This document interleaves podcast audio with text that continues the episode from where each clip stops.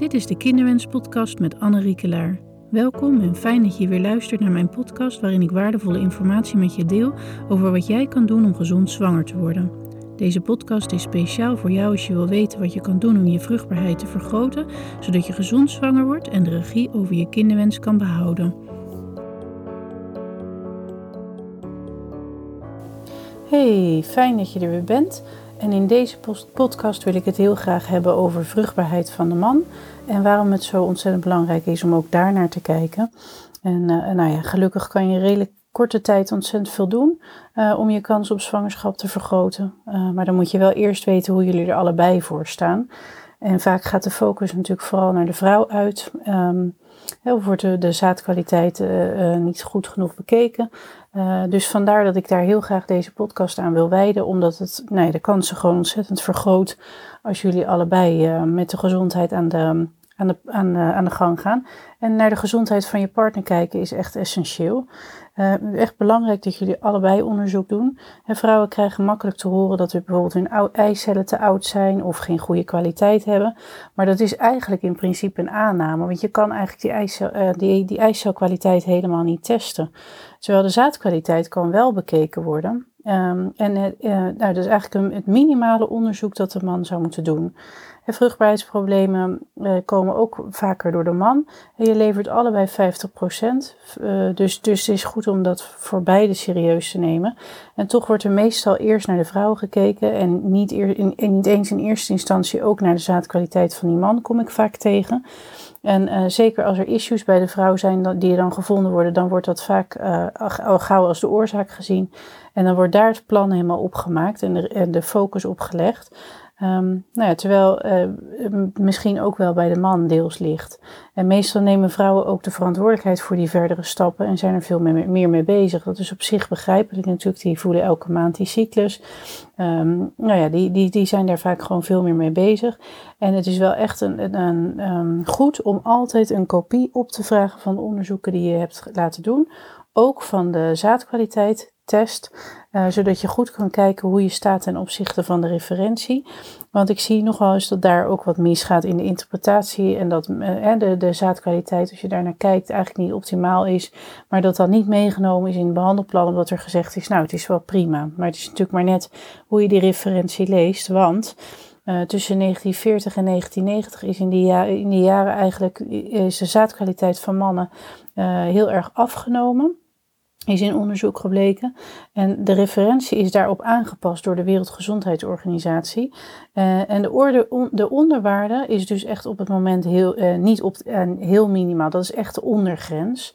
En daar wil je dus eigenlijk liever royaal boven zitten, want nou, zo'n 50 jaar geleden was het dan al niet goed geweest.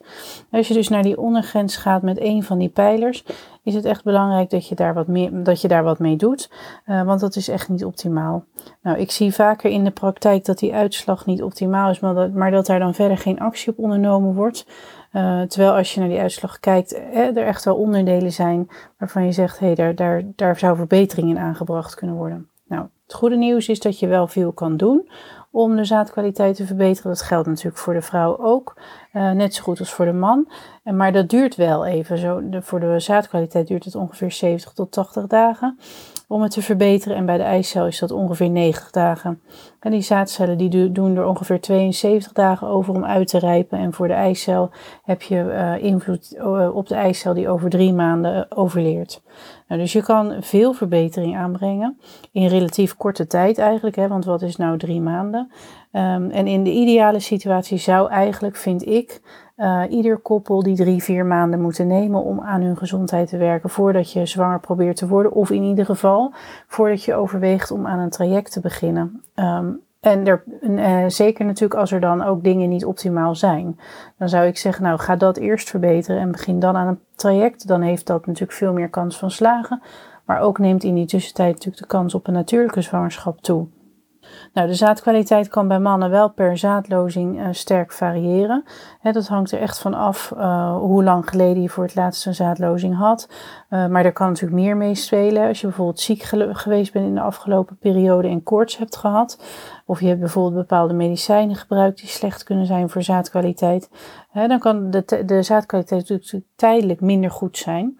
Ehm, ook bijvoorbeeld uh, wanneer de zaadballen zijn blootgesteld aan verhoogde temperatuur. Bijvoorbeeld ben je in de sauna geweest of je hebt regelmatig een warm bad genomen. Nou, dan kan dat invloed hebben op die zaadkwaliteit.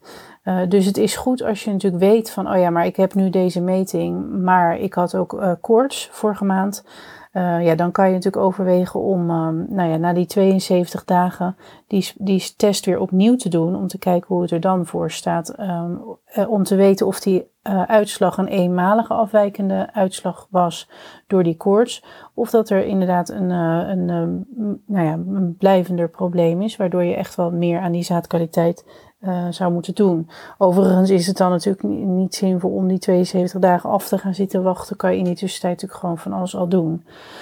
Nou ja, wat zou in ieder geval de man natuurlijk op minimaal moeten bekijken? Nou, op zijn minst uh, die zaadkwaliteit test. En ik kom echt nog vaak voor dat die niet gedaan is. Dat vrouwen echt al een heleboel aan het doen zijn. Of um, nou ja, voor, voor hun gevoel al maanden bezig zijn met het optimaliseren van gezondheid en vruchtbaarheid. En dat je dan eigenlijk nog niet weet hoe die zaadkwaliteit is. Dus dat zou ik zeggen, uh, als dat nog niet gedaan is, ga dat gewoon echt doen.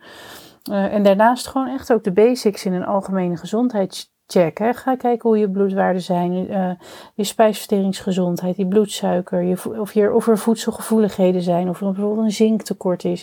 Het zijn allemaal dingen die uh, meespelen, voor de, ook voor de zaadkwaliteit. En dat geldt natuurlijk zowel voor man als vrouw.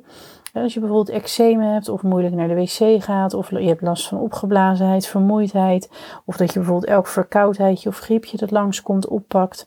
Nou, dan zijn dat signalen van een onbalans in je voortplantingssysteem. Luister, luistert daar eigenlijk weer naar. en, en die, die, die, dat er wat aan de hand is in je lichaam. Want uiteindelijk uh, wil het niet voortplanten als het niet veilig is. Hè. Dat zit echt in ons oersysteem, in ons oerbrein. Uh, dus zorg er in elk geval dat je de basics laat checken en dat dat goed is. En dat je voldoende voedingsstoffen, vitamine D, stress, slaap, bloedsuiker, al die dingen onder uh, ja, eigenlijk de dingen die voor, waar vrouwen vaak al zo automatisch mee aan de gang gaan, die gelden zeker voor mannen ook. Nou, en welke pijlers, ik ga even bespreken welke pijlers er zo langskomen in zo'n zaadkwaliteit test. Dat is natuurlijk een beetje droge stof, maar ik denk wel goed om het een keer door te lopen. Um, nou, in eerste instantie natuurlijk de concentratie, uh, spermacellen. Normale concentratie is 40 miljoen. Uh, ja, of liefst nog meer natuurlijk, per milliliter zaadcellen, dat, uh, liefst dus nog daarboven. Um, maar een man wordt eigenlijk pas verminderd vruchtbaar genoemd als er minder dan 15 miljoen uh, spermacellen per milliliter ejaculaat zijn. Uh, dus dat, dat ligt daar nog weer ver onder. Dus die 15 miljoen is de, de ondergrens, maar je wil echt veel liever richting die 40 plus uh, en liefst nog hoger. Nou, er is sprake van een ernstige zaadafwijking als er minder dan, 40 miljoen, dan, sorry, dan 10 miljoen zaadcellen per milliliter worden gevonden. En nou ja, een nog lager aantal spermacellen uh, dan normaal wordt dan echt oligozoospermie genoemd. En als er herhaaldelijk helemaal geen zaadcellen worden gevonden, dan spreekt men van um, azoospermie. Beetje rot woorden, maar dan, dan is er echt um, uh, meer aan de hand. Nou, vervolgens wordt er natuurlijk gekeken naar de bewegelijkheid. Dat wordt ook wel um, motility genoemd, de motiliteit. De bewegelijkheid van het sperma zegt iets over de kans dat het sperma op eigen kracht naar de eicel um, uh, in de eileider toe kan zwemmen. Um, nou, motiliteit is natuurlijk een ontzettend belangrijke waarde daarmee van de zaadkwaliteit. En normaal is het wanneer er tenminste 32% van de zaadcellen progressief beweegt.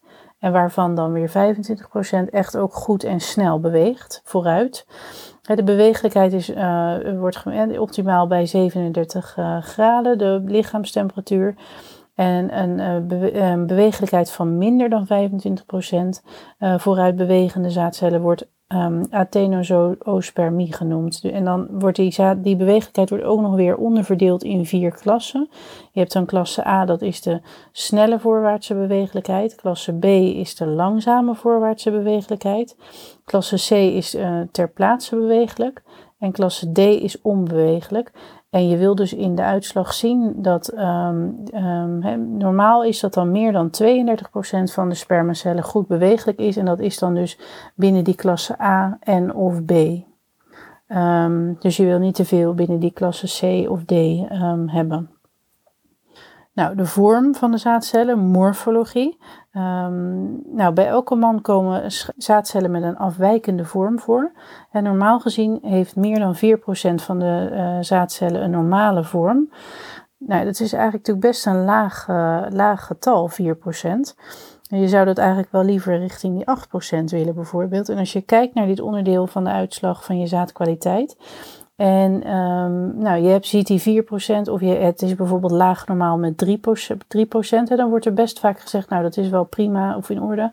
Maar je wil eigenlijk liever zo richting je 8%. Dan is dat natuurlijk een heel groot verschil als je daar even zo over nadenkt. En hier kan je goed invloed op uitoefenen. En het is dan dus ook de vraag op het moment hè, dat je uh, minder uh, dat, die, dat deze pijler minder goed is, of je in eerste instantie voor ICSI moet kiezen. Want je kan hier dus invloed op uitoefenen. En wat ik bijvoorbeeld wel tegenkom in de praktijk, is dat dan die zaadkwaliteit niet helemaal optimaal is en de, de morfologie bijvoorbeeld 1%. Uh, en dan is er gezegd van nou, ICSI is je enige optie uh, met deze zaadkwaliteit uitslag. Want dan kiezen we gewoon de beste uit en die brengen we samen en dan komt het wel goed ja, ja, soms zie ik ook dat die morfologie niet optimaal is, maar dat er dan verder niks mee gedaan wordt of niet serieus genomen wordt. Terwijl hier kun je wel echt gewoon wat mee doen. En ik denk dat dat zonde is, want um, nou ja, je kan gewoon eerst die tijd nemen om dat te proberen te beïnvloeden, zodat je mogelijk dat ICSI-traject niet, niet nodig hebt. Zeker als er bij uh, de vrouw verder geen uh, verklaring is of geen oorzaak gevonden is waarom het zwanger worden uitblijft en blijkt echt aan die zaadkwaliteit te liggen, dan is het natuurlijk eigenlijk zonde als de vrouw helemaal door dat hele hormonale eh, traject moet met zoveel hormonen en nou ja, wat gewoon wel invloed heeft ook op haar gezondheid en, en um, en hormoonbalans. Dus ik denk dat het heel goed is als je hier kritisch naar kijkt en je ziet dat dit afwijkt. En je kunt er wat mee doen, dat je daar eerst de tijd voor neemt om dat ook te doen voordat je aan een, een traject begint.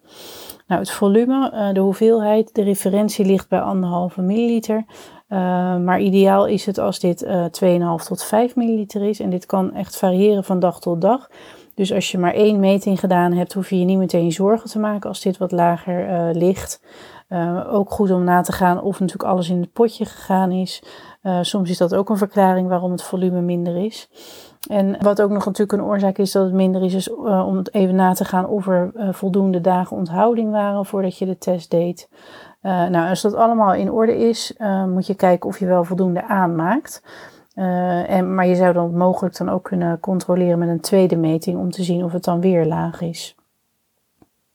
Nou, DNA-fragmentatie, dat vind ik ook een belangrijk onderdeel om het over te hebben. Dat wordt eigenlijk niet zo vaak gedaan. Uh, maar als je nou een lage morfologie hebt, dus, dus die vorm van de zaadcellen is uh, niet optimaal. Um, veel zaadcellen die er niet goed uitzien, dan zou het zo kunnen zijn dat er iets aan de hand is met die DNA van die zaadcellen. En als een man een lage uh, morfologie heeft, zou je eigenlijk ook een DNA-fragmentatietest moeten doen.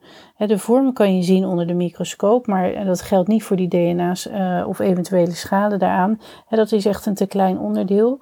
En aan de hand van veel of weinig DNA-schade van die zaadcellen kan je weten of de kans op een natuurlijke zwangerschap aanwezig is of dat de kans uh, van een IVF-traject slaagt. Dus als je bijvoorbeeld te horen hebt gekregen dat je geen zorg hoeft te maken over die zaadkwaliteit, maar gewoon maar ICSI moet doen. Uh, en dan heb, heb, je dat gedaan, maar er is een herhalend probleem met bijvoorbeeld de embryo's die zich niet goed ontwikkelen, of uh, het nestelt niet goed in, of er zijn heel veel. Hè, je kan zeker ook bij aan um, DNA-schade denken bij vroege miskramen. Um, nou, dan kan dat allemaal komen door die zaadkwaliteit. En dat kan te maken hebben met die levels van de DNA-fragmentatie. Dus het is goed om dan deze test te doen. Ja, dus de focus ligt natuurlijk zo vaak vooral op die vrouw, terwijl het dan zo belangrijk is om ook die gezondheid van de man en de vrouw mee te nemen. Want je kan hier dus iets heel belangrijks missen. Zeker bijvoorbeeld bij die herhalende miskramen, waar dan gekeken wordt bij de vrouw. Of ik heb dat best in de praktijk ook vaak van, nou, volgende keer gaat het uh, vast beter, uh, wordt er dan gezegd. Nou, en het is gewoon een, slopend proces, als je gewoon niet weet waardoor het komt. Maar je moet wel iedere keer die miskraam door. Ja, en het is denk ik wel goed om je te, te realiseren dat um, dit onderzoek en daarnaar kijken, dat, nou ja, dat, dat, dat dat dus breder kan, breder moet. Nou, natuurlijk wordt er ook gekeken nog naar de pH. Uh, en normaal is, uh, is deze zuurgraad boven de 7,2. En um, agglutinatie, dat, dat gaat over het samenklonteren van spermacellen. En in normale omstandigheden is deze samenklontering niet aanwezig. Dus die hoort er ook niet te zijn. Nou, voor de rest vind ik het ook nog goed om even te zeggen dat het een mythe is uh, dat sperma niet afneemt, uh, de kwaliteit ervan naarmate je ouder wordt.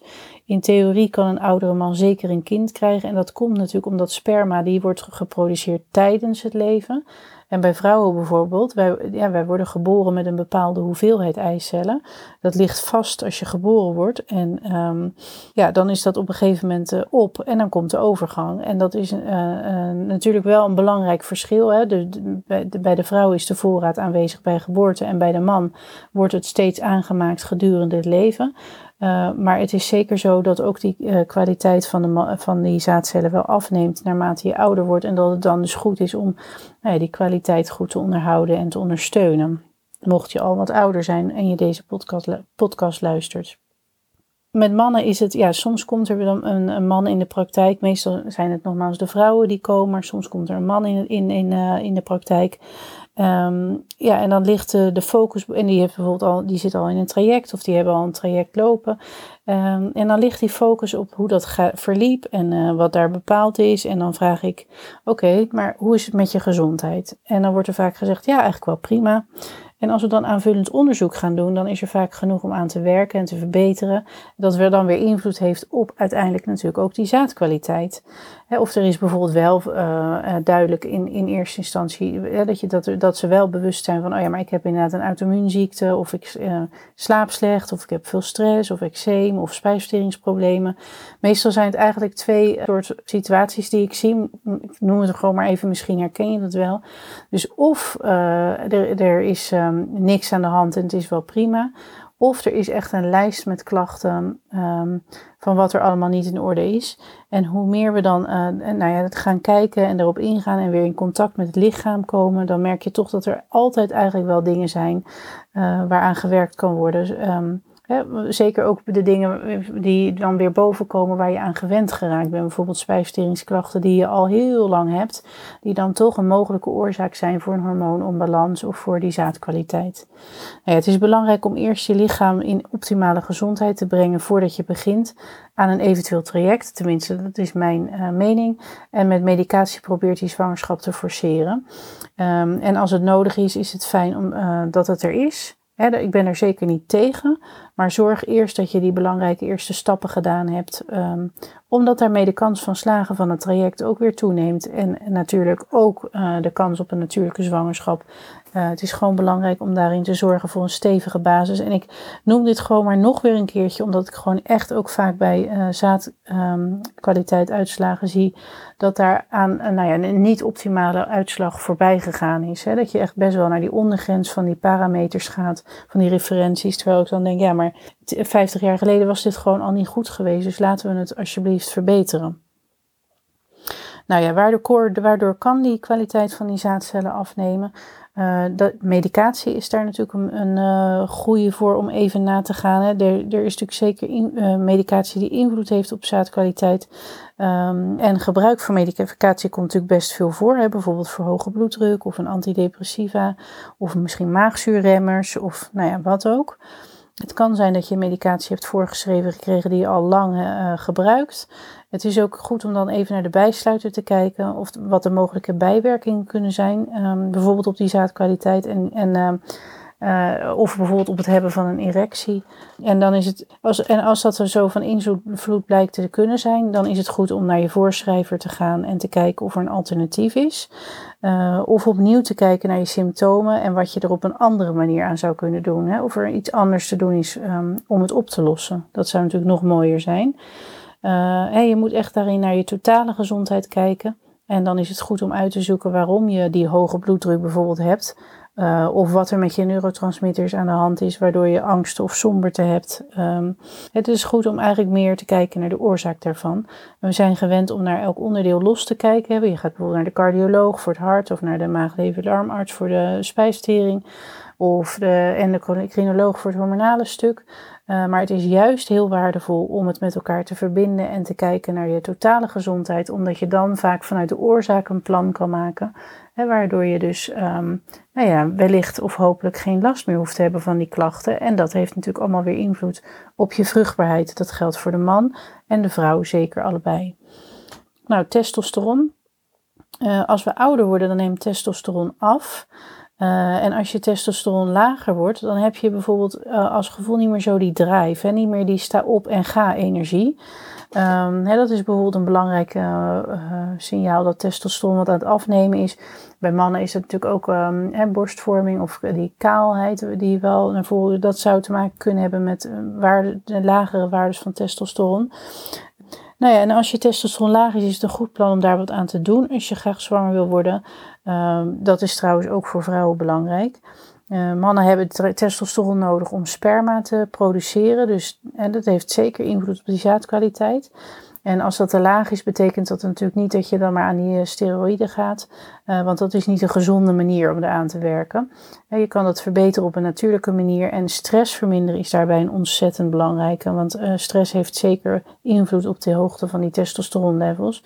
Uh, en net als uh, bij vrouwen heeft eigenlijk dus ook die stress invloed op die hormoonbalans. Dus um, nou ja, goed om daar naar te kijken. En, en uh, um, de beweging, krachttraining is natuurlijk ook zeker belangrijk om die testosteronlevels goed te houden. Nou, slaap. Testosteron wordt gemaakt tijdens de slaap. Dus hè, een goede nachtrust is ontzettend belangrijk. Natuurlijk voor heel veel functies, maar zeker dus ook voor uh, de goede productie van die geslachtshormonen. En als je slaap verstoord is, is dat vaak ook een indicatie dat er andere dingen niet goed gaan in je lichaam. En dan moet je dus even uitzoeken waardoor dat komt en uh, dat dan aanpakken om uh, vanuit de oorzaak daaraan te werken en het op te lossen. Um, nou ja, stress noemde ik eigenlijk al een beetje bij testosteron. Maar stress heeft dus inderdaad als oorzaak dat die testosteronwaarde omlaag gaat. En, en dat kan dus weer dan invloed hebben op die verminderde zaadkwaliteit. Uh, het is belangrijk dat uh, de bloedsuiker in balans is. Dus insulineresistentie heeft invloed op um, die uh, zaadkwaliteit. Nou, daar is voeding natuurlijk ook weer ontzettend belangrijk. Uh, als er laaggradige ontstekingen zijn in het lichaam, dan kan dat ook de zaadkwaliteit verminderen. Van um, ja, een leefstijl, hè, uh, alcoholgebruik, alcohol en zaadkwaliteit. Er is wel onderzoek ge naar gedaan. Hè, bijvoorbeeld een Italiaanse studie laat zien dat dagelijks alcohol invloed heeft op alle parameters van die zaadkwaliteit eigenlijk. En ze deden een jaar, uh, een jaar later weer een onderzoek en daar kwam een, een uit dat vier consumpties per week. Dus eerst hebben ze uh, laten een onderzoek gedaan dat, dat er dagelijks alcohol genomen werd en dat had invloed op alle parameters. En toen deden ze later nog weer een onderzoek en daar kwam uit dat vier consumpties per week al invloed kan hebben op het volume en de concentratie. Dus er lijken wel duidelijke links te zijn tussen alcohol en de invloed, eh, ja, dat het invloed heeft op je zaadkwaliteit. En in elk geval zorgt alcohol voor schade aan de cellen en hè, dat, dat geldt natuurlijk voor ons hele lijf. En dat is natuurlijk als je zwanger wil worden misschien niet het handigst. En als je het wel echt nodig hebt, dan is het goed om te kijken waarom dat zo is. Hè. Wil je dat relaxte gevoel ervaren en lukt dat niet op een andere manier? Uh, heb je dan dus ook misschien te veel stress? Is dan natuurlijk een goede vraag erachteraan. En kijk anders of je een gezondere keuze kan maken um, daarbinnen. je hebt natuurlijk wel echt veel verschil binnen de alcoholsoorten ook weer van Um, ja, wat, wat dan mogelijk nog zuiverder is of beter dan, dan de ander. Nou, het, heeft, het is goed om uh, in ieder geval te benoemen dat het geen zin heeft om je partner uh, te coachen. Uh, het, hij moet er echt zelf klaar voor zijn en voor openstaan. En dat geldt andersom ook. dus dat geldt voor beide partners. En anders wordt het echt stressvol binnen de relatie ook. Je moet er beide klaar voor staan, voor openstaan. Um, ehm, nou ja, uh, het is natuurlijk dan heel zinvol om samen die onderzoeken te doen, dat af te lezen samen, je erin te verdiepen. En dan wordt het ook echt een proces van samen. Maar als er eentje wel klaar voor is en de ander niet, dan, dan heeft het geen zin om daarop te gaan zitten coachen. Want dan wordt het echt een, uh, ja, vervelende dynamiek tussen beiden. Nou ja, roken zal hem noemen, maar dat, ja, daar is natuurlijk algemeen bekend van dat dat niet goed is voor de zaadkwaliteit. Uh, overgewicht, uh, zeker goed om dan daarmee aan de slag te gaan om dat te verminderen. Uh, dat is natuurlijk sowieso voor je totale gezondheid een goed idee. Um, nou, de, de hoge temperaturen is, kan ook hè, hitte, kan ook de zaadkwaliteit scha schaden. Denk bijvoorbeeld zitten in een hot tub of een laptop op schoot of te veel zitten op je werk. Ja, de, de, de balzak hangt natuurlijk niet voor niets buiten het lichaam. Dat is omdat hij iets koeler moet zijn dan de lichaamstemperatuur. Nou, als je heel veel zit en bijvoorbeeld ook nog een strakke onderbroek aan hebt, dan zit eigenlijk die balzak de hele tijd tegen je lijf aangeplakt. En dan kan dat gewoon te warm zijn, waardoor er schade is. Dus dat is zeker ook als je zittend werk hebt, heel goed om uh, nou, regelmatig te lopen, zodat dat weer kan koelen. Omgevingstoxines zijn natuurlijk nog zeker goed om naar te kijken. Plastics, uh, niet je telefoon in je broekzak, uh, geen water drinken uit plastic flessen de hele tijd. Um, let wat je op je huid smeert. Er zitten daar niet te veel uh, gifstoffen in. Overbelasting en zware metalen. Die oh, en andere toxische stoffen die de hormonen verstoren, zoals bijvoorbeeld bisphenol A, glyfosaat. Uh, nou, dat zijn natuurlijk allemaal belangrijke dingen om eens langs te gaan. Om te kijken van, hé, hey, hoe zit dat eigenlijk bij mij? Oxidatieve stress kan zeker ook bijvoorbeeld door te intensief sporten. Dat is zeker ook een belangrijke om, om uh, naar te kijken. Dat zie ik ook nog wel regelmatig uh, langskomen. Dat er echt ontzettend veel en hard gesport wordt. Of als je bijvoorbeeld heel veel wiel rent, dan is dat ook niet bevorderlijk voor de zaadkwaliteit. Nou, wat verbetert dan vervolgens de zaadkwaliteit? Misschien luister jij trouwens niet naar, naar dit, deze podcast als je aan het begin van je traject staat en heb je hem misschien ook nodig achter de rug. En dan denk je, nou had ik dit eerder geweten. En het is natuurlijk nooit te laat om op deze manier uh, aan te gaan pakken. Dus ga daar vooral mee aan de slag. En dan is natuurlijk toch ja, voeding nummer één. Zorg dat er voeding in ieder geval in orde is. Dat je geen bewerkte voeding eet, dat je voldoende eiwitten eet, dat je gezonde vetten eet, dat je veel groente eet in alle kleuren. Um, ja, ongelooflijk belangrijk om dit ook goed te hebben en ook om het persoonlijk te maken. Dus kijk ook goed of je misschien uh, voedingsintoleranties hebt, wat dan bijvoorbeeld weer kan zorgen voor een overactief immuunsysteem, voor laaggradige ontstekingen, hè, waardoor die zaadkwaliteit kan afnemen. En dat kan soms wat uitzoekwerk zijn, maar uh, kan veel voor je gezondheid betekenen als je dit op orde brengt. Ook bijvoorbeeld weer richting insulineresistentie, mocht je daar last van hebben. Dat, dat, dat, is, dat merk je vaak aan dat je regelmatig wat moet eten of dat je behoorlijk wat buikvet hebt. Uh, nou, zeker goed om met die voeding aan de slag te gaan en daarnaar te kijken. Nou, bewegen en circulatie. De bloedcirculatie en bewegen is natuurlijk een belangrijk uh, voor je gezond, de gezondheid van die zaadcellen. Ik heb het er al wel vaker over uh, bij het belang voor, van gezonde circulatie naar die baarmoeder en die eicellen. Uh, maar voor mannen is dat eigenlijk niet anders. Om, de, om, cellen goed met elkaar te laten communiceren, hormonen op de juiste plek te krijgen, is een goede bloedstroom super belangrijk. En be bewegen is daar natuurlijk de manier om dat te doen. Dus um, ja, kijk eens even hoe, vaak en hoeveel je beweegt in de week uh, of per dag. En, en uh, kijk of je dat kan verbeteren. En als je ook nog aan uh, testosteron, testosteron, denkt, dan is krachttraining belangrijk om die testosteron te laten stijgen. En ook acupunctuur kan hier veel goed doen. of um, ja, dat is ook een mooie om. Um, om hiermee aan de slag te gaan. Dat is natuurlijk echt een hele mooie behandelvorm om juist die circulatie te verbeteren. Nou, voedingsstoffen voor optimale zaadkwaliteit zijn natuurlijk gezonde vetten, de omega-3 vetzuren, um, uh, zink, die helpt bij de productie. Selenium, dat zit bijvoorbeeld in ei, in uh, uh, alles uit de zee, asperge. Uh, CoQ10, ofwel ubiquinol, dat is de actieve vorm van CoQ10, dat is nog de betere. Dat is een goede antioxidant. Als er wat meer schade is bijvoorbeeld.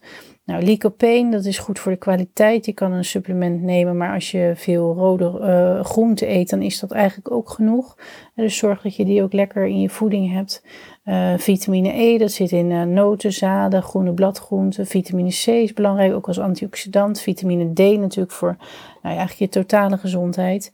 En aminozuren, dat zijn eiwitten. En um, nou ja, dat kan je natuurlijk inderdaad in een supplement nemen als uh, arginine of uh, cysteïne. Dat zie je vast wel langskomen als je gaat kijken uh, van wat kan ik doen om mijn zaadkwaliteit te verbeteren.